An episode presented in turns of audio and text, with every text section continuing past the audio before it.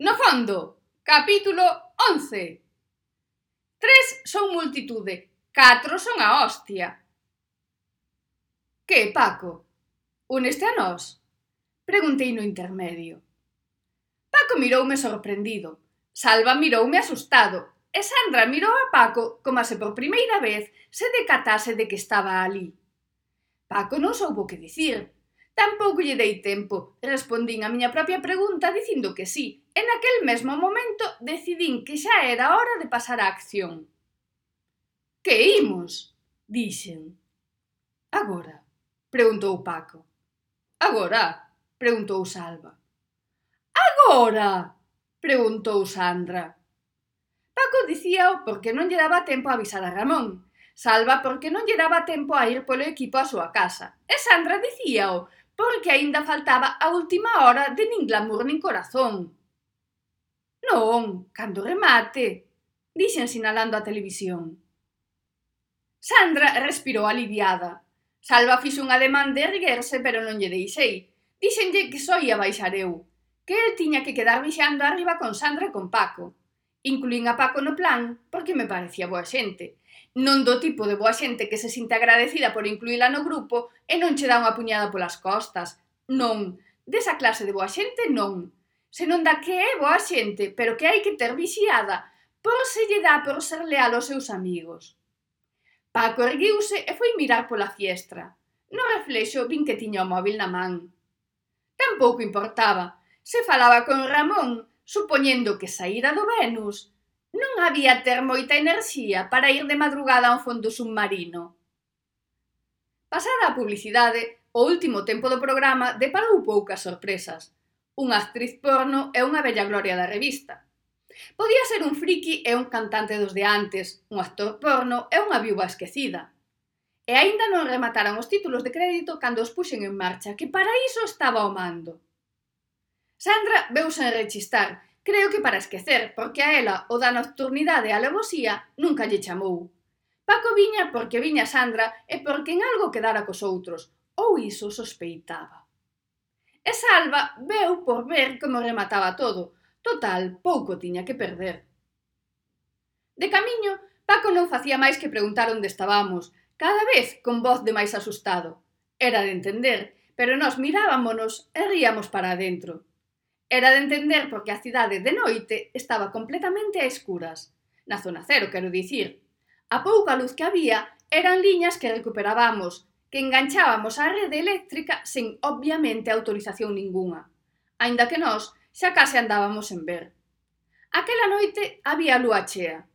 Sí, efectivamente, ese era o motivo polo que me lanzara tan impetuosa á aventura. Tivemos que pasar pola miña casa para recoller o traxe. A auga aínda estaba máis fría de noite e meterse sen neopreno non era recomendable. Conforme baixábamos pola antiga avenida Finisterre, a escuridade facíase máis patente e Paco apareceu abrazado a Sandra sen pretendelo. O mellor, inconscientemente, sí que o pretendía. Pero Sandra tomoullo polo lado inocente. De momento, viuno como tal, como un ser inocente que se estaba iniciando no mundo da noite. No de verdade, non nese das luces de neón que confunden. A marea estaba alta, chegaba ata a porta do Hilton, Díxenlles que agardasen alí, que tiña que ir pola lancha, unha desas embarcacións que non tiñamos, porque unha ordenanza municipal as declaraba ilegais na zona cero. Cada quen tiña o seu agocho e ninguén sabía do resto, máis por precaución que por desconfianza.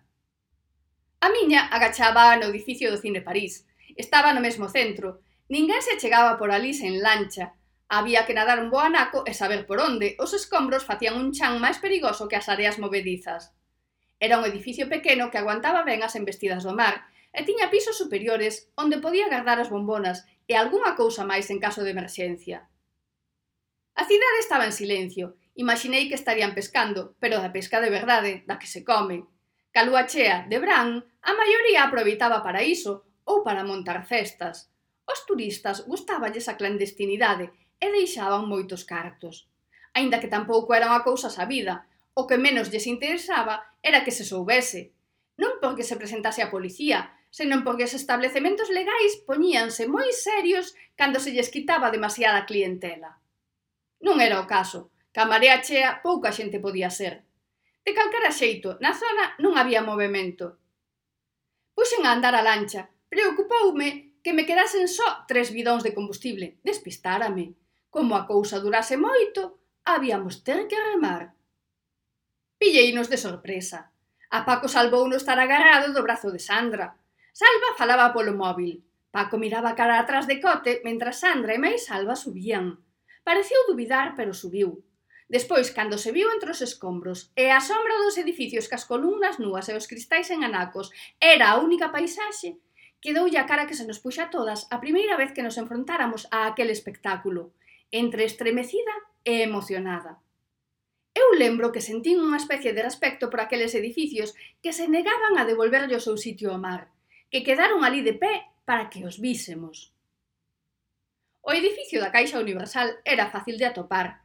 Tiñan tellado unha bola do mundo de metal plateado que brillaba ca lúa como a dunha disco retro. Metémonos no interior ata chegar ás escaleiras. Parei o motor. Salva baixou da lancha e atou na pé, mellor dito a perna, da figura dun romano de imitación medio en bolas que tiñan como suposta decoración de bo gusto na sede da famosa entidade. Baixou Paco e despois Sandra, que me axudou cas bombonas do oxíxeno. Puxen o equipo e comecei a baixar polas escaleiras. Nas gafas tiña un walkie co que falaba con Salva. Era raro que pasase algo, pero tampouco quería morrer ali. Trouxeron a bombona maiores, aínda que esperaba non precisala. Escoitei que Paco lle preguntaba a Sandra pola cobertura. Cobertura aquí? Preguntou Sandra sen decatarse de que falaba con alguén de fora. Non, aquí non hai, non poden. É a zona cero.